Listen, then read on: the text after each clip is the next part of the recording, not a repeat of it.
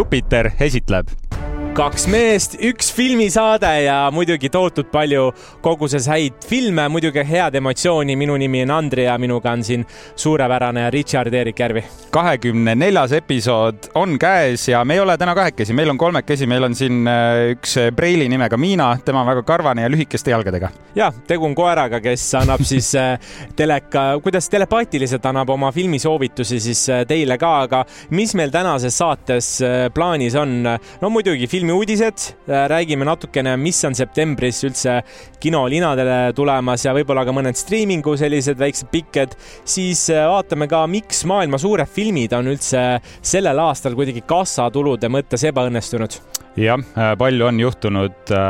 Andri avab seda teemat ja räägime ka, millised filmid või õigemini, mis üks suur film on edasi lükkunud. Dune kahest räägime, miks see edasi lükkus ning eh, mis on Dune'i tulevik ja mm -hmm. vaatame otsa ka Equalizer kolmele ehk Kutsuge McCall kolm Äh, film on välja tulemas ja režissöör andis veidi aimu, mida ta tahab edasi selle saagaga teha. jah, ja muidugi nädala naelad ka ja nädala naelaks on kinofilm Räägi minuga, mis on selline õudussugemetega, aga sinna me jõuame veel. ja siis teine on sellisest streaming platvormist nagu The Prime, millest me ei olegi vist siin kunagi rääkinud ja selline sari nagu The Boys ja Amazon Prime, Prime Video, The Prime kutsutakse erinevat viisi, aga jah, räägime siin siis ühest konkurendist, kes noh, üritavad olla Jupiterist paremad, aga ei tea, kas nad ikka on no seda, seda me siis kuuleme täna, aga selline soojendusküsimus nagu traditsiooniks saanud on siis, kui nüüd mõelda kõikide filmide või filmiseeriate peale, no näiteks on Matrix või Lord of the Rings või Harry Potter,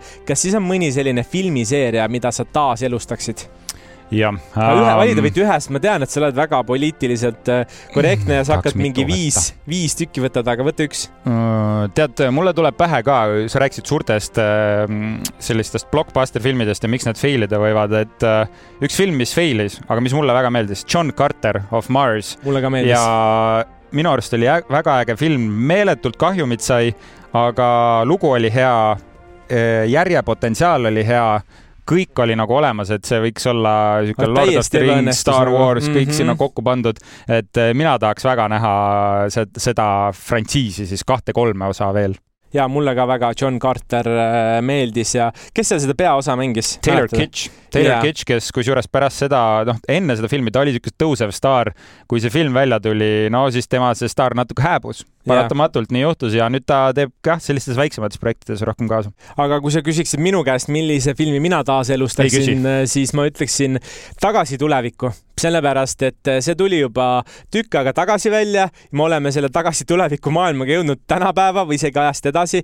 mina ei ole neid äh, lahedaid Nike'i jalanõusid näinud, kus vajutad külje pealt nuppu ja nüüd nad tegelikult tegid, ma valetan, nad tegid täpselt samasugused nagu seal Tagasi tulevikku, aga need maksavad umbes viissada, viissada eurot on paar. rohkem, rohkem rohkem, rohkem. kas sa mõtled need äh, Nike'id, mis olid elektriliste paeladega, mis tõmbas isegi äh, mingisugune kaks tuhat viissada ja, ja need on mingid äh, äh, oh, väga jumal. Eri mingisugused väljalasked. ma uurin, ma nii väga tahtsin. ei, see on täiesti aga nüüd ma tahangi, et tuleksid tagasi tulevikku uuesti et nad teeksid. ehk siis nüüd me läheme veel nagu kaugemasse tulevikku ja. tagasi olevikku no ei, ma ei tea olevikku, võt-, võtaks mingi kaks tuhat ükssada näiteks midagi, tahaks näha, mis seal toimub, et äh, mulle viimasel ajal need tulevikufilmid on meeldima hakanud ja neid väga palju ei ole.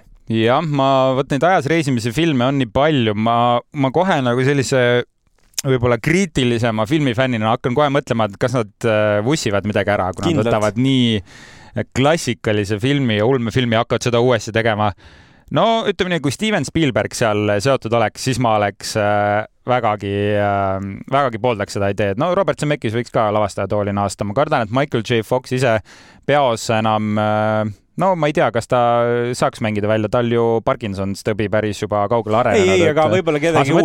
Nagu ma mõtlesingi uut... nagu elustada, aga justkui nagu minu poolest võivad ka uued olla. okei okay,, okei okay.. aga äh, läheme siis sellise lisarubriigi juurde, mida me siin paar viimast nädalat teinud oleme ja selleks on Kes teab, see teab äh,. sukeldume natukene filmiajalukku ja tänane filmiteadmine tuleb äh,. ma annan sellise eelinfo ja siis lähme sisu juurde.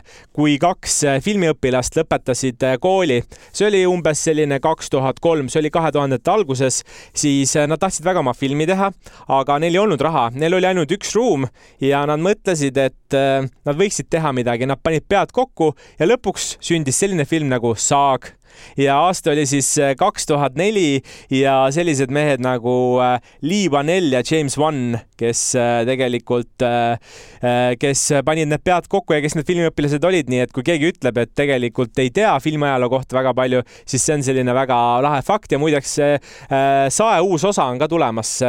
mis see number nüüd oli, ma ei mäletagi neid saagi, saagisid on nii palju. mingi vist kümnes või midagi no, sellist stiilis, võimalik. et aga on võimalik, kui nüüd siin meid noored filmitegijad kuulavad, siis äh, pange ka enda pea tööle, mõelge, et teil on ainult üks ruum kasutada, mida te teeksite, saag on võetud. no me istume podcast'i stuudios. Mis, mis enam parem ruum äh, filmi, filmi siis äh, set-up'iks? Täpselt nii, nii et tänane päeva selline ajaloo teadmine tuleb sellisest filmi ajaloo vallast saime targemaks, nüüd äh, läheme rohkem niisuguste päevakajalisemate teemade juurde ja räägime nädala uudistest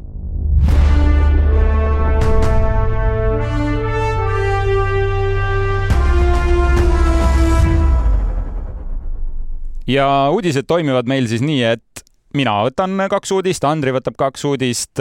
seekord teeb Andri siukse ühe ägeda ülevaate äh, uudise asemel, aga mina noppisin välja midagi väga hingelähedast ja midagi väga kurba, sest et no nii. Äh, streik endiselt käib, stsenaristid ja näitlejad streigivad, filmid lükkuvad edasi. minu kõige oodatum film sellel aastal, Dune'i teine osa pidi jõudma siis novembris, selle aasta novembris kinodesse. nüüd lükati edasi kahe tuhande kahekümne neljandasse aastasse ja viieteistkümnendale märtsile kurb, see on, oli ka minu kõige oodatum äh, film või noh, üks oodatumaid, teine on, äh, teine on see Näljamängud ja, ja no ma ei tea, kas see tuleb õigel ajal, aga tead, ma üldse ei kujuta ette, et äh, võib-olla mõnel inimesel on juba selline kopp ees, et me räägime nendest edasilükkamistest ja streigist. aga, aga see ongi täpselt selline asi, et nagu paratamatult see tuleb iga päevaga läheb järjest relevantsemaks. mida päev edasi, seda hullemaks olukord läheb ja ma ei kujuta ette, kui kaugele see asi võib üldse minna. mis sa ise arvad, kaugele see võib minna? no see oleneb stuudiotest, stuudiod on väga jäigad, ei taha järgi anda, autorid ei ole saanud oma teenitud tasu siis nende lepingute näol. no see kestab nii kaua, kuni nad lõpuks järgi annavad, aga kui minna nüüd selle Dune'i juurde ja miks üldse filmid edasi lükkuvad, mis juba valmis on, noh, sul võib tekkida küsimus, mis mõttes näitlejad on oma töö teinud, miks nad peaksid nüüd valmis oleva filmi edasi lükkama ja põhjus on äh, lihtne, filme ju promotakse, äh, on tuurid, äh, intervjuud, kus näitlejad reisivad üle maailma ja annavad erinevaid intekaid ja räägivad filmist. Nad ei saa teha seda, kuna kui nad streigil on, siis nad põhimõtteliselt ei tohi ka turunduseesmärkidel filmis kaasa teha.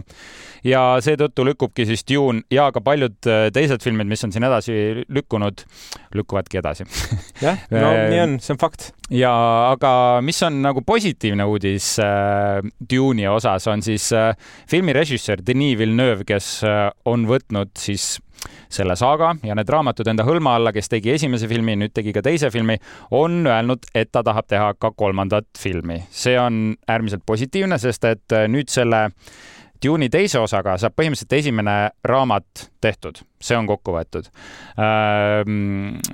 siis äh, Denis Villeneuve ütles jah, et äh, ta on juba pannud kirja äh, kolmanda filmi jaoks mingeid märkmeid, mingi loo ning äh, ta ütles, et raamatud on tegelikult väga osavalt edasi andnud seda, kuidas äh, see kangelane nii-öelda Paul Atreides, keda mängib siis Timothy Chalamet, äh, on noh, nüüd nagu popmeedias ja, ja kõikides eelnevates filmides on ta justkui niisuguseks väga suureks kangelaseks tehtud, messiaseks, aga raamatu autor Frank Herbert tahtis tegelikult edasi anda seda, kui ohtlik on see, kui inimesed hakkavad ühte niisugust kangelast ülistama. Ja tema just tahabki seda lugu siis viia sellise no negatiivsema vaate poole. no see on päris lahe, nagu minu arust täiega teretulnud, et minna tavapärastest äh, sellistest äh, radadest välja ja teha midagi täiesti teistmoodi, nii et äh, no vaatame, me ei tea.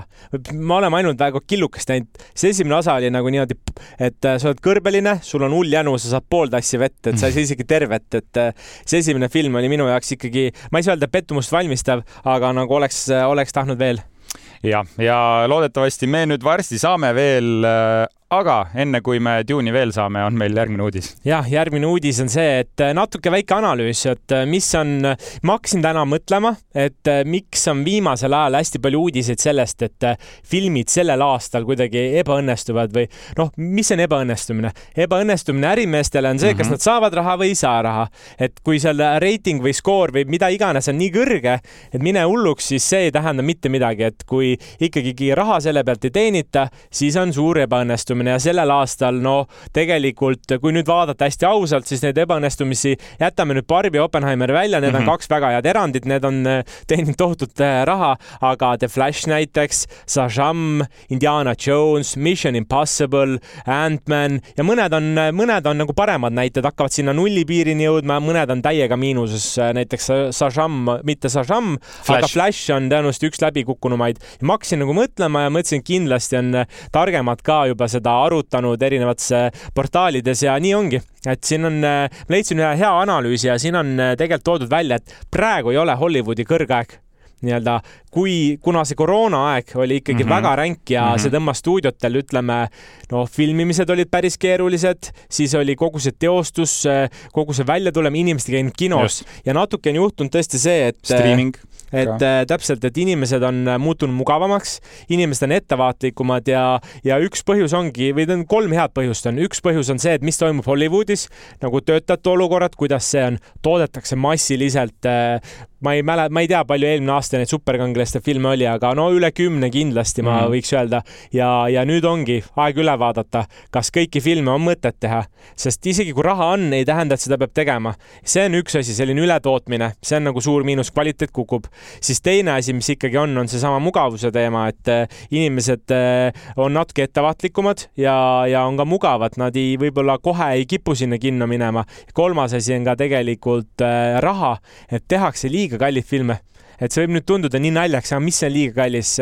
toon paar näidet jälle, et äh, näiteks Mission Impossible eelarve oligi seal üle kolmesaja äh, miljoni dollari ja okei okay,, seal oli ka natuke eriolukord, need filmid lükkusid edasi, aga samamoodi Flash kakssada miljonit pluss, et enamus filmid on hakanud sinna kakssada, kolmsada miljonit üks film, et see nagu mastaapselt läheb ikkagi väga hulluks. Indiana Jones kakssada üheksakümmend viis miljonit uskumatu ju. kas see tundub sulle kakssada üheksakümmend viis? minule ei tundu. Äh, Indiana Jonesi puhul see üldse ei üllata mind ja seal neid efekte oli väga palju, ma ütleks isegi liiga palju ja see oli ka üks põhjusi, miks see film ei olnud nii hea, kui ta oleks võinud olla. aga The Flashi puhul, mis on selle aasta kõige suurem läbikukkumine, seal on üsna selge põhjus ka, miks seda filmi väga vaatama ei tuldud ja no, kuidas seda turundati halvasti, on seesama Ezra Miller, selle filmi staar, kes siis on äh, mitmete skandaalide keskmes olnud, kus ta on väga vägivaldselt äh, teiste inimestega. no need on juba sellised sellised eri, erijuhtumid no,, aga. sul on juba halb eh, PR on ju ja mm -hmm. seda filmi ei tuldudki vaatama. aga noh, tendents on näha ja näiteks äh, Fast kümme Kiired ja vihased kümnes osa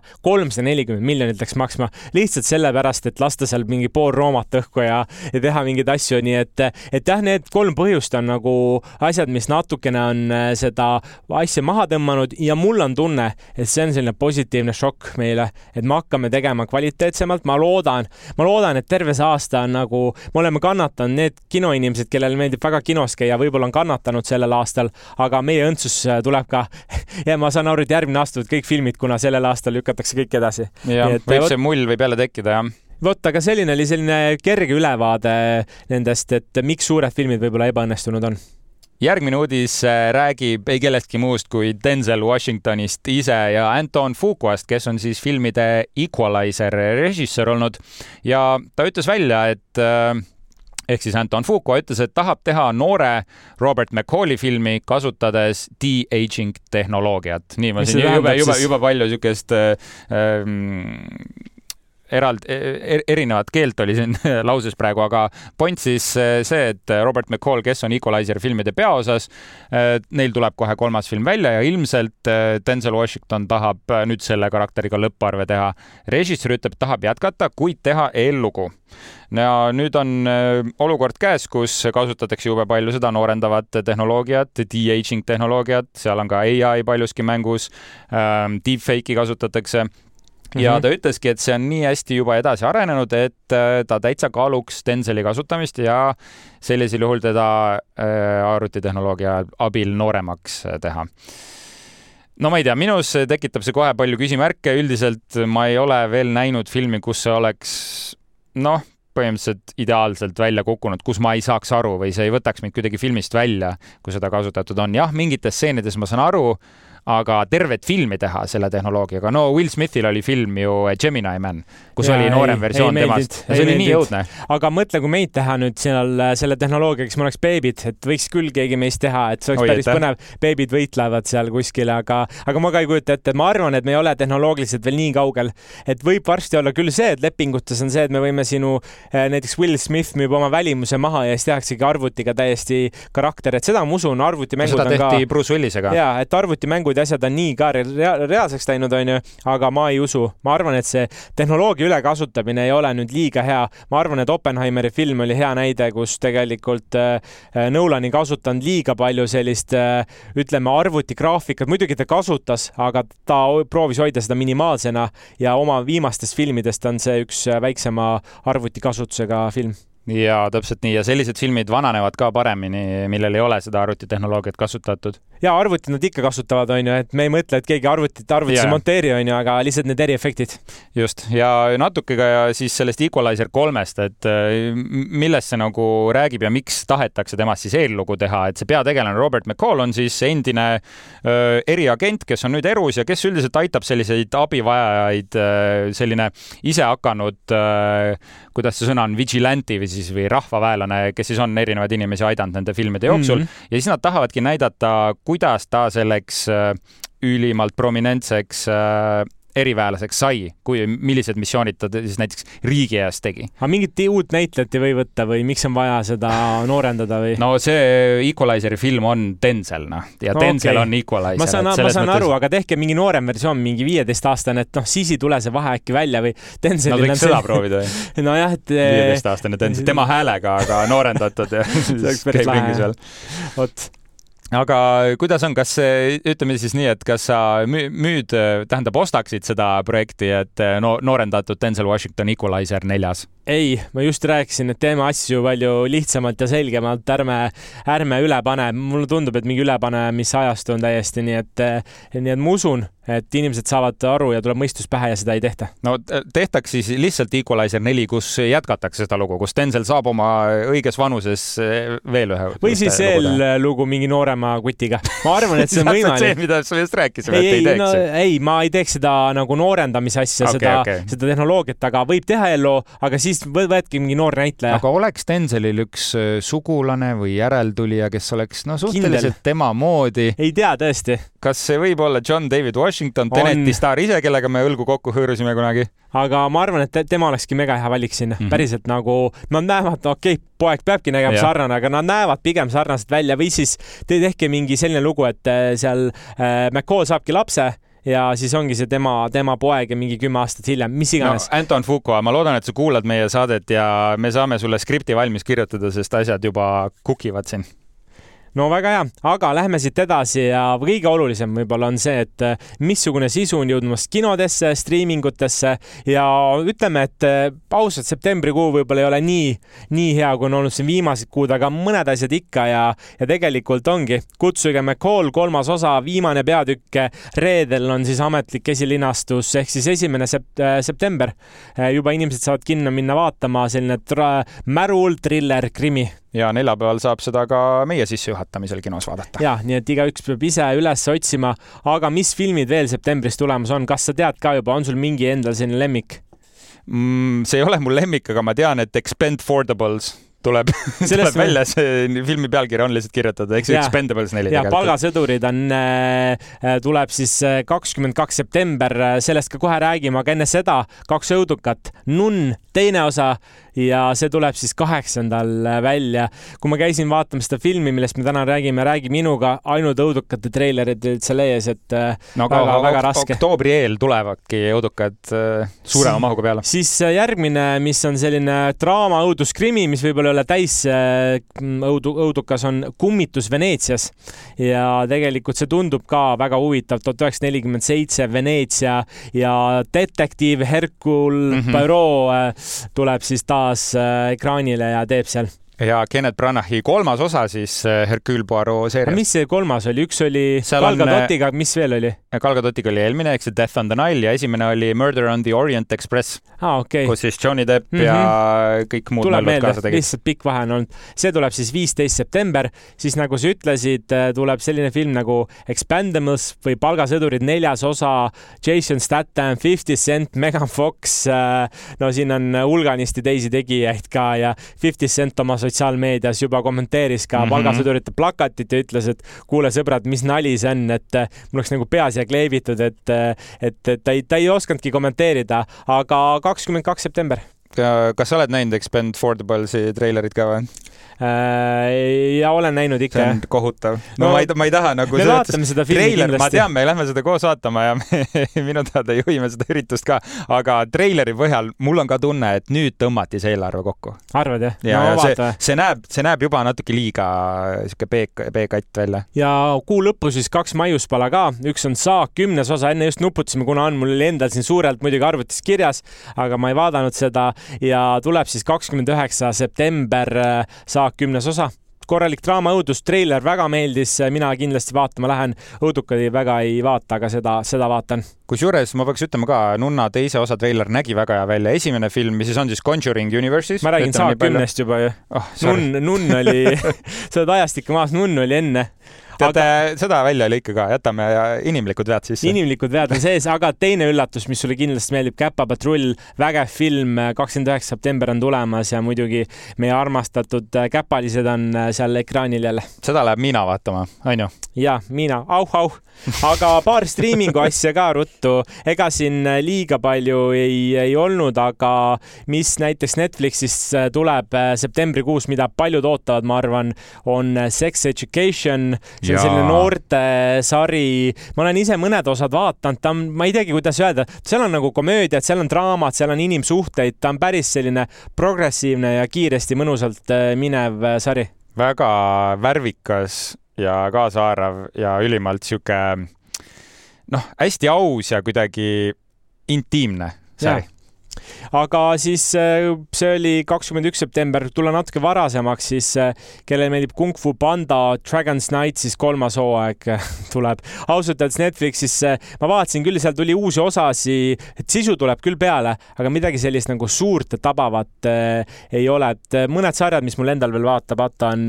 Ragnarok tuli uus hooaeg mm -hmm. välja nüüd kuu lõpus, et ma ei ole seda isegi puutunud, aga Disney plussis on, kellele meeldib animeeritud Groot, I am Groot Groot teine hooaeg, kuues september tuleb välja ja ka Väike Merineitsi film, mis kinodes on olnud, mida võib-olla osad ootavad, kuues september, siis äh, teadke, et see tuleb ja, ja kuu lõpus tuleb äh, siis film sellest, kuidas tehti äh, viimast Guardian of Galaxy äh, kolmas osa vist oli see, eks. ja, ja seda, seda näidatakse ka, nii et see kuu lõpupoole on tulemas, hoidke silm peal, kes tahab näha siis kuidagi kaadritagusesse maailma ka. ja mul on hea meel, et Disney on hakanud tooma sellist kaadritagust materjali äh, meile ka, et ma tean, et teistel filmidel osadel juba on äh,. Avataril, Avatari teisel osal ma tean, et on olemas. ja Marveli mingitel suurtel ka, Infinity War ja Endgame mm, -hmm. nendel peaks ka olema, nii et kui keegi ei ole vaadanud või vaadanud, siis seal on olemas selline ekstra või mingi asi seal filmi juures juures ja seal on ka selline making of olemas, nii et päris, päris vinge vaatamine. Need on ägedad tõepoolest ja uudistega olemegi selleks äh, nädalaks kokku tõmmanud ja lendame edasi nüüd nädala naela poole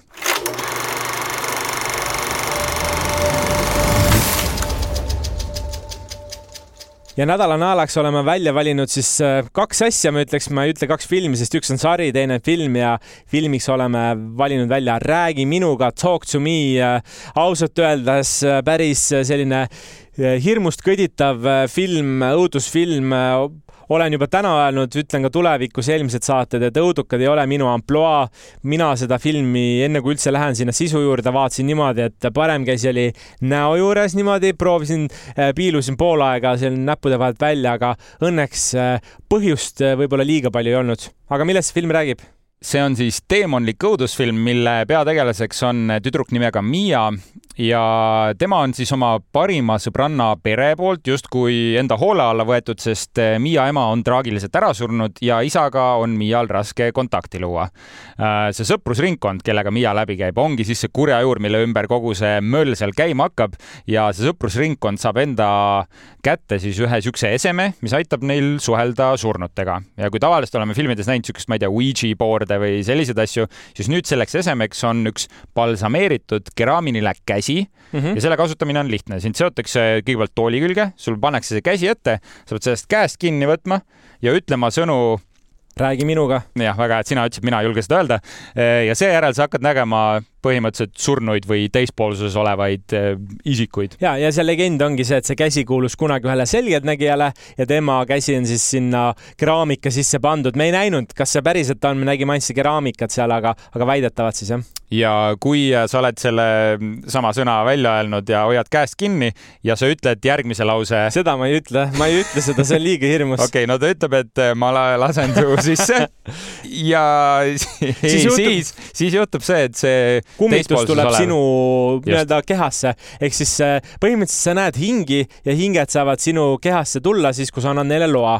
ja muidugi noh, minu meelest äh, väga hea allikas on see, et noored hakkavad äh, mängima ja mõtlevad, et issand, kui naljakas oleks seda proovida ja filmida. ja see annab neile ka mingisuguse siukse mm, eufoorilise nagu kaifi. siukse tunde, et samal ajal, kui see surnu tema sees on, võtab ta üle, siis tunnevad ennast mega hästi aga oht on siis see, et kui sa lased liiga kaua sellel enda sees olla, siis see põhimõtteliselt võib hakata vaikselt su keha üle võtma, ta no, ei taha enam ära minna. ja, ja nagu mentaalselt võib asjad nagu pekki keerata ja seal filmis öeldi, et üheksakümmend sekundit on see aeg, et mm -hmm. nad võtsidki seal aega, see ei ole selles suhtes, ma ütleks ka mingi otsene spoiler, see ei muuda nagu.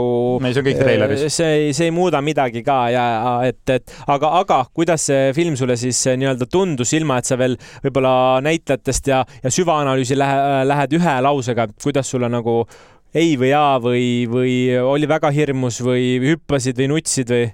oo jaa, oli minu jaoks parajalt hirmus aga see lugu ja see mõte just, et sa võtad sellest käest kinni ja kõik hakkab sedapidi toimima, see oli minu arust väga ägedalt tehtud. aga kas see oli sinu jaoks ka mingi uus kontseptsioon nagu? kusjuures ei olnud, selles mõttes ei olnud ju midagi uut. Äh, me oleme selle sarnast lugu varem näinud, aga see, kuidas nad neid noori kaasasid ja kui usutavalt need karakterid olid tehtud, äh, minu arust oli selle filmi nagu võidukäik jah, ma arvan ka, et lühikene selline ülevaade oleks, et et jah, meeldis, aga ta oli terviklik kuidagi, et äh, filmi juhul, puhul ka, kui sa vaatad ja vahepeal mingid kohad hakkab nagu igav või ei viitsi või, või sa ei saa aru, et need on kust tuleb minu jaoks augud nagu sisse, aga see oli nagu terviklik, ta oli minu jaoks muidugi nõksa võib-olla liiga hirmus, aga no,, aga, va, aga vaadatav, aga vaadatav selles suhtes, ta ei olnud äh, väga nagu hüppeehmatusi ei olnud või jumpscare'e mm, -hmm. ta ei olnud, ta oli natuke, ta ei olnud väga verine ka, et ta oli selline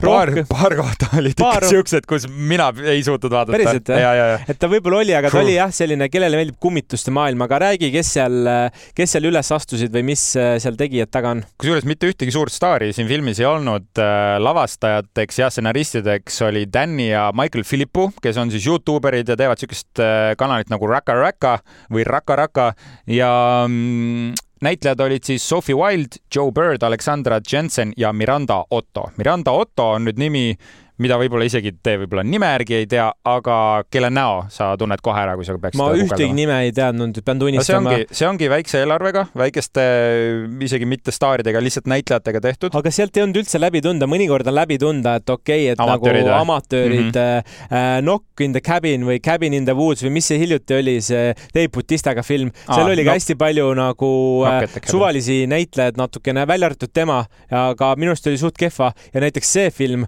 oli ka väga palju selliseid alustavaid näitlejaid ja väga hästi oli tehtud, et, et kõik mängisid usutavalt, mul ei jäänud kordagi muljet, et okei okay,, et ta ei mõtelnud seda päriselt, et, et jah. Jah, ja kui nüüd minna süvitsi sisse, kas see film meeldis või ei meeldinud, no sa veidi mainisid jah, sulle meeldis, kui terviklik ta oli, ma ütleks ka, et see oli väga siukselt osavalt ja efektiivselt tehtud film, millel olid omad reeglid ja väga hea ülesehitus. vot see on hea point, reeglid mm. -hmm. ma ei mõelnudki selle peale, aga selle filmi võib-olla selliseks äh, kandvaks mõtteks olidki, et mingid reeglid olid, see sisu ei olnud võib-olla uus, aga võib-olla uus oli see, kuidas seda nagu sisu välja toodi, et samamoodi, et noh, ei, asjad juhtunud suvaliselt, et on noored, kes on ikkagi seiklushimu täis, tahavad proovida. no alati on see, et kui noored hakkavad seal mingi voodoo asjadega tegelema mm, -hmm. alati läheb pekki, noh, seal oli ka tunda, et okei okay,, nüüd aga, läheb pekki. Aga nad, aga nad rääkisid sellest teisest poolest ka, nad nagu üritasid olla ettevaatlikud selles osas, loomulikult noh, me teame, et seal läheb käest ära, jah, aga nagu ei olnud neid momente, vaata, mis on õudukates, et sa lähed nagu nii närvi selle pea, et nagu mida see vend teeb, miks ta ei mõtle kuidagi ette või mingit äh, ettevaatusabinõusid, et siin sa said aru kuidagi nendest otsustest, miks keegi midagi tegi. inimlik oli äkki sellepärast, et need olukorrad olid inimlikud, seal olid ka juhtunud nende inimestega asju, seal ühel tegelasel oli ema surnud no, näiteks. et seal tekibki selline, et okei okay,, sümpaatia tekib ka ja arusaadavad olukorrad, et, et väga huvitavalt oli lahendatud ja ilma teadmata, kas sellel läheb üldse hästi, kas, kas ma ei tea, kas see võetakse üldse vastu normaalselt, siis ma arvan, et sellel tuleb teine osa ka seal kuidagi, kui nüüd keegi küsib, kas see lõppes niimoodi, et seal võiks tulla, ta ei lõppenud niimoodi, aga seal on potentsiaali minu meelest küll. väga hea meel, et sa puudutasid selle filmi lõpu peale. Ma arvan, et see on üks parema lõpuga õudusfilm, mida mina olen näinud. Ma kujutan mm. ette, et paljusid ajab närvi sihuke lõpp, ma ei hakka ütlema loomulikult, mis see on minu jaoks, äh, mul tõusid ihukarvad püsti ja ma tead, võtsin käe rusikasse omaette, ütlesin jess, et Karjusid nii kinos. hästi, nii hästi, kusjuures ma käisin seda filmi Soomes vaatamas, käisin Soome kinos, ma mõtlesin, ma külastan mingit teist kino ja ma pean ütlema, meil on paremad kinod. on jah, no väga hea, seda on hea teada, aga kas sul oli midagi, mis seal filmis ei meeldinud üldse, vaatasid ja mõtlesid, et pekki küll nagu või oli tunne, et nagu ei, tead, see mulle ei keri? Tead ma ei oskagi vist välja tuua midagi niisugust negatiivset, mis mind tõeliselt häiris. Äh, ma võib-olla ütleks lihtsalt seda, et siin no ütleme, okei okay,, noh, selle filmi eelarve, et kas sa tead, filmi eelarve oli neli koma viis miljonit dollarit. neli koma viis miljonit dollarit, see on äh, Tehtab põhimõtteliselt sada korda väiksem kui mingite, okei okay,, noh, sada korda on võib-olla natuke liiga palju öeldud, äh, teiste mm, suurfilmide eelarved siis, aga seal ei olnud mingeid väga suuri efekte, seal ei olnud suuri staare, seal oli heli väga hästi ära kasutatud, mis äh, minu arust oli kaasakiskuv ja need verised stseenid, mis olid, need olid tehtud nii õõvastavalt ja noh, seal, seal ei olnud kuidagi tunda, et oleks midagi kokku hoitud. et ausalt öeldes ma ei oska siin midagi negatiivset vist välja tuua, aga no, ma arvan, et sul on midagi. ma arvan, et kõigile ei meeldinud see, tähendab mu elukaaslane, kes ka vaatamas seda eraldi ajal enne mind natukene ühe sõbrannaga ja nad tulid ka sealt ära, ma küsisin, kuidas oli, ta ütles väga ei meeldinud mm. ja nagu lihtsalt ta ütles äh, vähemalt, et talle ei meeldinud see lugu, tema jaoks oli see igav. Ja ma saan nagu aru, et see lugu on üsna naiivne, et võib-olla see on see miinuskoht ka, et nagu asjad juhtuvad, äh, noh, peavad film peab noored kuidagi... ongi naiivsed ju. nojah, aga lihtsalt nagu kas nii naiiv, vot nüüd ma ei mm. teagi, võib-olla ma ise, ise ei ole enam nii naiivne, aga võib-olla olen ei tea, aga et äh, see naiivsus võib-olla kohati häiris, noh, miks sa teed seda, no sa tead, et see läheb halvasti, miks sa teed seda, ma saan aru mm, -hmm. filmis peabki tegema, aga alati see ei tule niimoodi välja, et võib-olla see on ainuke asi, asi, mis mind häiris, et, et minu jaoks ka ikkagi oli see terviklik, kui õudusfilmid vähegi, vähekenegi kannatad, siis see on okei. Okay.. kinos on nagu raske vaadata suure ekraani peal, ikkagi võib ehmuda, ehmuda palju ja ma alati muretsen, et äkki jääb süda, süda jääb seisma, kui mingit õudukat vaatan, nii et äh, oli ikkagi eneseületamine, eile käisin äh, üksinda, õnneks saalis oli paar inimest veel hmm., nii et, äh, et oli korralik vaatamine ja äh, mul oli ka kusjuures väga vähe inimesi seal saalis ja pärast oli natuke kõhe olla ka, aga mm, kui nüüd rääkida sellest, kas sa soovitad seda filmi no ütleme nii, et kas sa ütled, seda filmi peaks minema kindlasti kinno vaatama, seda võib minna kinno vaatama, midagi ei juhtu, kui sa seda ei näe või hoia kinost eemale, see oli halb film mm,? Tahaks öelda, et ära mine, ma tahaks öelda, et vaata kodus seda, nii et äh, kui ma tahan seda teha, siis ma ütlengi, ma, ärge saage valesti aru, ma ei arva, et see film ei ole väärt kino. sa ütlesid, see on halb film. aga ei, ma ei öelnud, et äh, ma ei ütle, et see film halb on, ma arvan, et see on Äh, selle aasta õudusfilmidest, no okei okay,, õudusfilmid alles tulevad, me võime võib-olla aasta lõpus mingi kokkuvõtte teha õudukatest, aga praegu on väga tugev valgus olnud ausalt öeldes, et äh, ma ei tea, mis see nunn teeb, ma ei tea, mis see saak teeb. tugev valgus on antud, ma vaatasin, nad on juba teeninud viiskümmend viis miljonit, et kui nad viis, umbes rahvli viis läks maksma, siis, äh, siis see raha tuleb sealt tagasi. vaadake kodus jah. turvaline. kusjuures unustasime vist mainida, tegemist on Austraalia filmiga oh.. see ei ole siis äh, ameeriklaste või brittidega ja. võib-olla see ongi värskendav. jah, täpselt, minu arust see andis väga palju juurde, aga kusjuures ma, ma olen nõus, et see nüüd ei ole niisugune film, mida ilmtingimata peab suurelt ekraanilt nägema, kuigi see annab, ma arvan, palju juurde, õudukat on alati hea suurelt ekraanilt vaadata, aga see on no õuduka puhul on oluline äh, ka see vaikuse moment nii väga, kui on see suurte helide moment. ja kodus paratamatult on sul mingid muud äh, segavad faktorid ka, et äh, see niisugune tõeline kõhedus tekib ikka pimedas saalis, et kui sa tõesti suudad kodus endal nii head saali kogemust järgi teha, siis lase käia. aga noh, kui nüüd filmist endast rääkida, siis mina ütleks, et see on selle aasta teine parim õudusfilm esimesele kohale ilmselt jääb minu jaoks ikkagi Scream kuus. aa jah, Scream, kui keegi nüüd küsib ja, ja. võrdleb, et äh, Scream on kindlasti, mulle Scream meeldis ikkagi äh,, noh, Scream on klassikaline ja. Hollywoodi film, võib-olla see viimane ei olnud, aga ta ei olnud ka nišikas, ma ei saa öelda, et oli mm -hmm. mingi väga niši õudusfilm ei olnud, et äh, väga palju äratuntavat. nii et igatahes soe soovitus meilt, vaata seda kodus või kinos ja teiseks olen äh, valinud ausalt öeldes enda jaoks ühe üllatava sarja ja ma ei olnudki tutvunud kunagi veel Eestis vähemalt äh, Amazon Prime'iga. Mm.. ma ei olnud, ma olin muidugi seda äppi korra avanud, ma ei teadnud isegi, mis seal on, onju, et tegelikult äh, sellist vaatamist, no ma ei tea, mis sulle nagu meeldib, mis asjad sulle nagu meeldivad, aga seal võib-olla äratuntavad minu jaoks nii palju ei olnudki, aga üks sari, millest ma olin palju kuulnud, The Boys ja ei räägi see muidugi ainult poiss poistest, äh, sest The Boys on üks äh, grupeering ja tegelikult ongi siis kogu lugu, sellel on kolm hooaega, neljas on tulemas järgmise aasta alguses, aga rühm valvsaid äh, siis selliseid isehakanud, ma ei tea pätt on vale öelda, nad on aktivistid mm, -hmm. kes tahavad siis maha võtta korrupeerunud superkangelasi ja kes kuritarvitavad oma supervõimeid ja ma ütleksin selle sarja nagu võib-olla läbiv joon ja miks ta ka inimestele meeldib, miks ta on nii palju laineid löönud, IMDB-s vist kaheksa koma seitse hinne, nii et päris kõrge, on see, et on võetud meile tuntud tegelased superkangelased ja pandud ikkagi päris sellisesse realistlikusse võtmesse, et kui meil täna Eestis oleks oma Kalevipoeg mm, -hmm. siis mida ta teeks? ei, ta ei ole selline auväärne kodanik nagu Superman. võib-olla pealtnäha oleks. ja pealtnäha oleks, aga võib-olla tegelikult korrupeerunud pätt, äh, varas, äh, mis iganes äh, ahistaja. et mulle meeldib just selle sarja puhul see, et on võetud meile need tuntud tugevad tegelased ja on täiesti nagu see varjukülg lahti. See, neid näidatakse nii jäledatest külgedest ja need superkangelased on siis, ma ütleks, noh, need pahalased ise.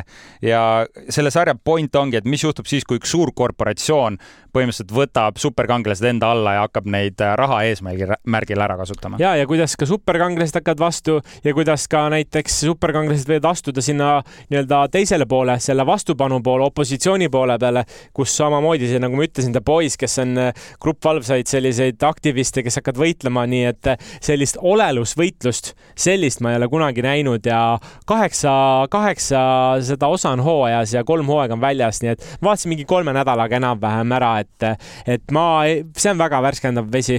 kõikide, kui keegi ütleb, et see on mingi tavaline superkanglaste asi, siis äh, unustage ära, see on midagi täiesti muud. see on midagi täiesti muud, aga ma arvan, et ta on ka tugevalt äh, nišisari selles mõttes, et äh, ta ikka noh, ütleme nii, et seda nõrganärviliselt kindlasti vaadata ei saa. seal keelekasutus on väga vulgaarne, verd on rohkem kui üheski teises sarjas, mida ma näinud olen ja karakterid teevad ikka jälestusväärseid asju. ja, aga kui te nüüd küsite, mis supervõimed või mis mm -hmm. superkangelased seal on, no seal on erinevaid, seal on äh, üks vend, kes jookseb hästi kiiresti, teine vend, kes äh, ma ei tea, suudab lennata nagu silmadest. üks nagu Supermani sarnane no, karakter, keda kutsutakse Homelanderiks, kes on äh, minu kõikidel valedel põhjustel lemmiktegelane saate aru, minu oma ka üks lemmikuid ikkagi.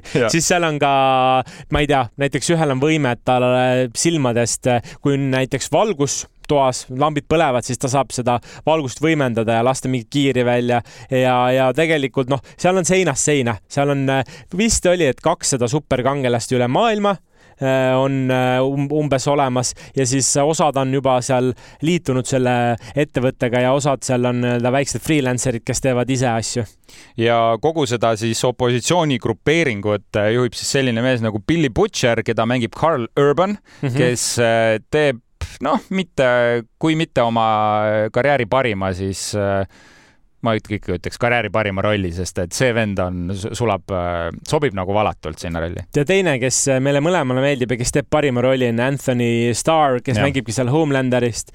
ma vaatasin ta pilti habemega, sest seal filmsarjas ta, tal ei ole habet, ta näeb mm -hmm. nagu nii, noh, nii puhas poiss välja, kui üldse võimalik, nii nagu idüll kuidagi, nii nagu ta ongi loodud nagu superkangelane olema ja, ja kui ta nagu seal selles sarjas mängib kui ma vaatan päriselus, just täiesti kaks erinevat inimest tegemist. jah, ja kui sa mõtled, milline see Homelander on, siis põhimõtteliselt võta Superman, võta Captain America, pane kokku ja see põhimõtteliselt on see visuaal, mis temast tekib no see on jah, aga ma ütlen, et ta on tume, et kui ikkagi nüüd keegi mõtleb, et ta on, seal on kindlasti ka sellist nagu nalj nalja poolt, huumori poolt natuke, aga laias laastus ta on äh, tume superkangelaste film, ütleks kokkuvõtvalt. ja väga originaalne lähenemine superkangelaste žanrile nii et äh, see on Andri poolt äh, tugev soovitus, mida kindlasti tuleks vaadata, ma pean äh, nõustuma temaga. kas sa oled ise kõik kolm hooaega ära vaadanud? kusjuures ei ole, ma kukkusin esimese, pärast esimest hooaega, teisel hooajal kukkusin kuidagi maha, mitte sellepärast, et mulle ei meeldinud, lihtsalt ei olnud aega arusaadav, aga jah, kaheksa koma seitse IMDB-s uued hooajad on tulekul, nii et head, head kraami on, et äkki sealt Prime'ist kunagi on veel midagi võtta, ma ei teagi. kas sa oled ka kursis, mis seal veel head on? No kõige niisugusem suurem sari, mis äh, tuli nüüd kas nüüd eelmisel aastal välja, on see Lord of the Ringsi äh, sari, mis maksis siis põhimõtteliselt vist miljardeid lausa ja, ja tegid nad siis äh, jah, äh, eelloo sellele Lord of the Ringsi äh, triloogiale. Ja no see sari sai palju kajastust meedias, paljudele see ei meeldinud, aga noh, see on kõige suurejoonelisem asi, mida Amazon Prime teinud on. nojah, sinna nad on tõesti korralikult äh, raha alla pannud ja ma tean, et ikkagi raha nad veel alla panevad ja, ja, ja jah, nii ongi ja nädala naeltega selleks korraks kõik nüüd astume Jupiteri nurka.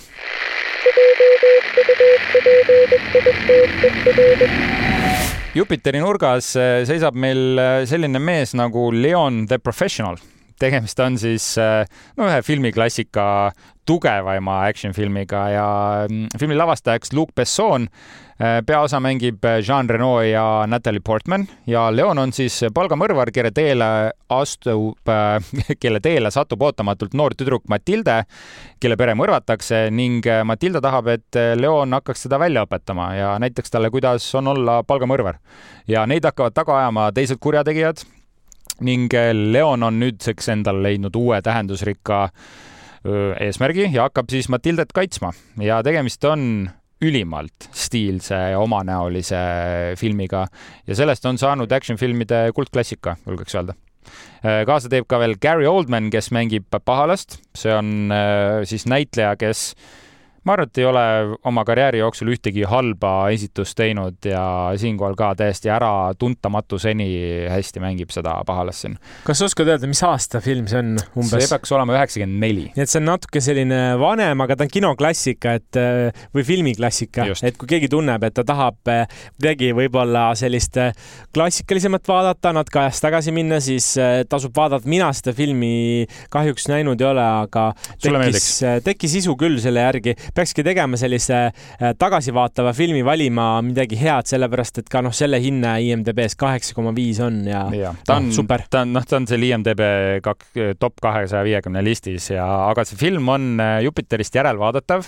sul vist oli see ees, sa saad öelda täpselt, äh, mitu päeva see veel oli, aga minu teada see on kuskil kümme päeva või vähem veel vaadatav, nii et ruttu-ruttu. kümme päeva täpselt, nii et tuleb, tuleb vaadata, no nõks alla kahe nädala jõuab vaadata küll ja teiseks, kuna meil on endal ka siin üks äh, neljajalgne karvane sell kaasas, siis valisin välja sellise dokfilmi nagu Hulkurid. aga tema ei hulgu? tema, tema on, tema, tema saab ilusti paisi ja head toitu. aga okay. tema ei hulgu ja Hulkurid on siis ameeriklaste tehtud dokfilm äh, ja räägib Istanbulis elavatest äh, hulkuvatest koertest. Äh, filmi lavastajaks Elizabeth Lowe siis järgneb Türgi suurlinnas peamiselt kolmele koerale ja näitab, milline nende igapäevaelu välja näeb. seal filmis puudub jutustus, puudub dialoog, lihtsalt kaameramees käib kaasas, äh, vabandust, siis ma saan aru, see filmi lavastaja ise käib kaasas nende koertega ja tõesti filmib neid erinevates olukordades, äh, erinevate koertega kokku puutudes, erinevate inimestega, kellele meeldivad koerad, kellele ei meeldi, need koerad kaklevad seal teineteisega et selline väga aus, vahetu, ehe dokfilm. noh, mina kui, mina kui väga suur koerte inimene, noh, kohe tõmbusin selle filmi poole, aga mis sa mainisid, et et ta on üsna tehtav, tund kaksteist ja, ja kuus koma üheksa IMDB-s, mis on minu arust väga, väga hea reiting eh, ka dokumentaali kohta või sellise filmi kohta, nii et eh, olen käinud ise Istanbulis, näinud neid mm, -hmm. noh, tõesti ongi väga palju koe, koerasid ja loomasid ja kasse on ka, nii et täitsa nagu põnev, et miks ja kuidas ja, ja mis see põhjus on, kindlasti seal räägitakse sellest. ja see tegemist ei ole siin niisuguse nunnu perefilmiga, vaid pigem karmi reaalsusega ja see film näitab ka siis äh, sotsiaalset ebavõrdsust mitte ainult äh, siis neljajalgsete seas, vaid ka meie enda ühiskonnas. ja, ja nii et äh, see film, ma ütleks, keerabki peegli justkui vaataja poole ja esitab küsimuse, kas me oleme kordadest paremad või mitte ja kas me peaksime neid vaatama ülevalt alla või hoopis õppima nendelt no eks siis äh, seda saame teada, kui on äh, see vaadatud, aga sellega hakkamegi oma saadet vaikselt äh, kokku tõmbama. jäänud on veel see, mis järgmisel nädalal juhtub ja no oleme täna rääkinud sellisest filmist nagu McCall kolm, Equalizer kolm inglise keeles ja no seda me lähme vaatame, selle kokkuvõtte me teieni toome. ja kindlasti üks minu selliseid, noh, kui me üldiselt ootame kõige rohkem blockbustereid või mingeid suuri filme, siis see on üks nendest väikestest filmidest, mida ma väga-väga ootan. oota, sa mõtled, see Equalizer kolm on väike või? No ta tegelikult, kui sa mõtled äh, kõikide superkangelaste ja Nolanite ja Barbide ja siukeste peale, siis võrreldes nendega on ta ikkagi selline väiksem action film. no aga selliseid väiksemaid action filme ongi vaja, see just, on just. see, mis toob Näo Naarule kaheksakümmend miljonit eelarvega näiteks. no okei okay,, tõesti ei ole enam nii väike. ei, aga ikkagi väike, kui me rääkisime, et muidu on kolmsada siin ja pluss, et tegelikult ikkagi kolm korda väiksem, kui on äh, Kiired vihased, peaaegu neli korda väiksem kui Kiired vihased, nii et aga kuskil kakskümmend korda Parem. suurem kui Talk to me eelarve. no vot, aga siin kunagi ei teagi, et see tõde tõenäoliselt on äh, vahel ja me küll räägime hästi palju rahast, onju, et tundub, et me ainult raha peale mõtleme, aga, aga ma ütlen ka, miks me seda raha alati toome, sest äh, raha on see mõõdupuu. me ei saa mõõta, mida, millest me saame mõõta, vaatajanumbrites, saame mõõta rahas ja me saame no, mõõta ja reitingus, hindes onju mm, -hmm. mida on pannud äh, kriitikud või rahvas onju. või täpselt meie, et aga, aga raha on lihtsalt üks hea mõõdupuu, et raha ei teki lambist, raha tekib tekib siis, kui inimesed käivad ja, ja noh, tõenäoliselt, tõenäoliselt see on ka loodetavasti üks film, mida inimesed lähevad vaatama, aga ma ei tea, me ei tea, mida oodata pikk vahe on sees olnud tegelikult. no ootus on, ootus on suur, mul on, mul on väga suured ootused selle filmi osas, mõlemad eelnevad filmid on mulle väga meeldinud. aga millest me veel järgmine nädal räägime, tahaks rääkida Eesti telefilmist ja võimalik, et meil tuleb stuudiosse ka külaline. ma hetkel ei hakka veel. Eesti telefilm no tema tulebki siis Eesti telefilmist meile rääkima, aga Eesti telefilm on tegelikult äh, oi ammu-ammu dekaade tagasi loodud siis äh, kaubamärk, mille alt on toodetud äh, paljud klassikalised Aha, filmid nagu logo tuleb meelde. siin me oleme mm, -hmm. Need vanad armastuskirjad, Noor pensionär. oi, seal on palju-palju neid veel ja räägime ka ühest uuest Eesti ja Ukraina koostöös tekkinud filmist Jurik, mis on siis selle Eesti telefilmi brändi alt siis taaselustatud. nii et natuke midagi Hollywoodi uudistele värskendavat siin Eestimaalt ka, et meil ka juhtub asju ja, ja kui ikkagi Eestis ka on, ega me, meie jaoks Eesti on ka juba oma Hollywood, et tahaks ju neid asju teieni tuua ja teile seda edasi anda, aga, aga aitäh, et olite meiega, aitäh, et kuulasite, oleme tagasi juba järgmine nädal. tšau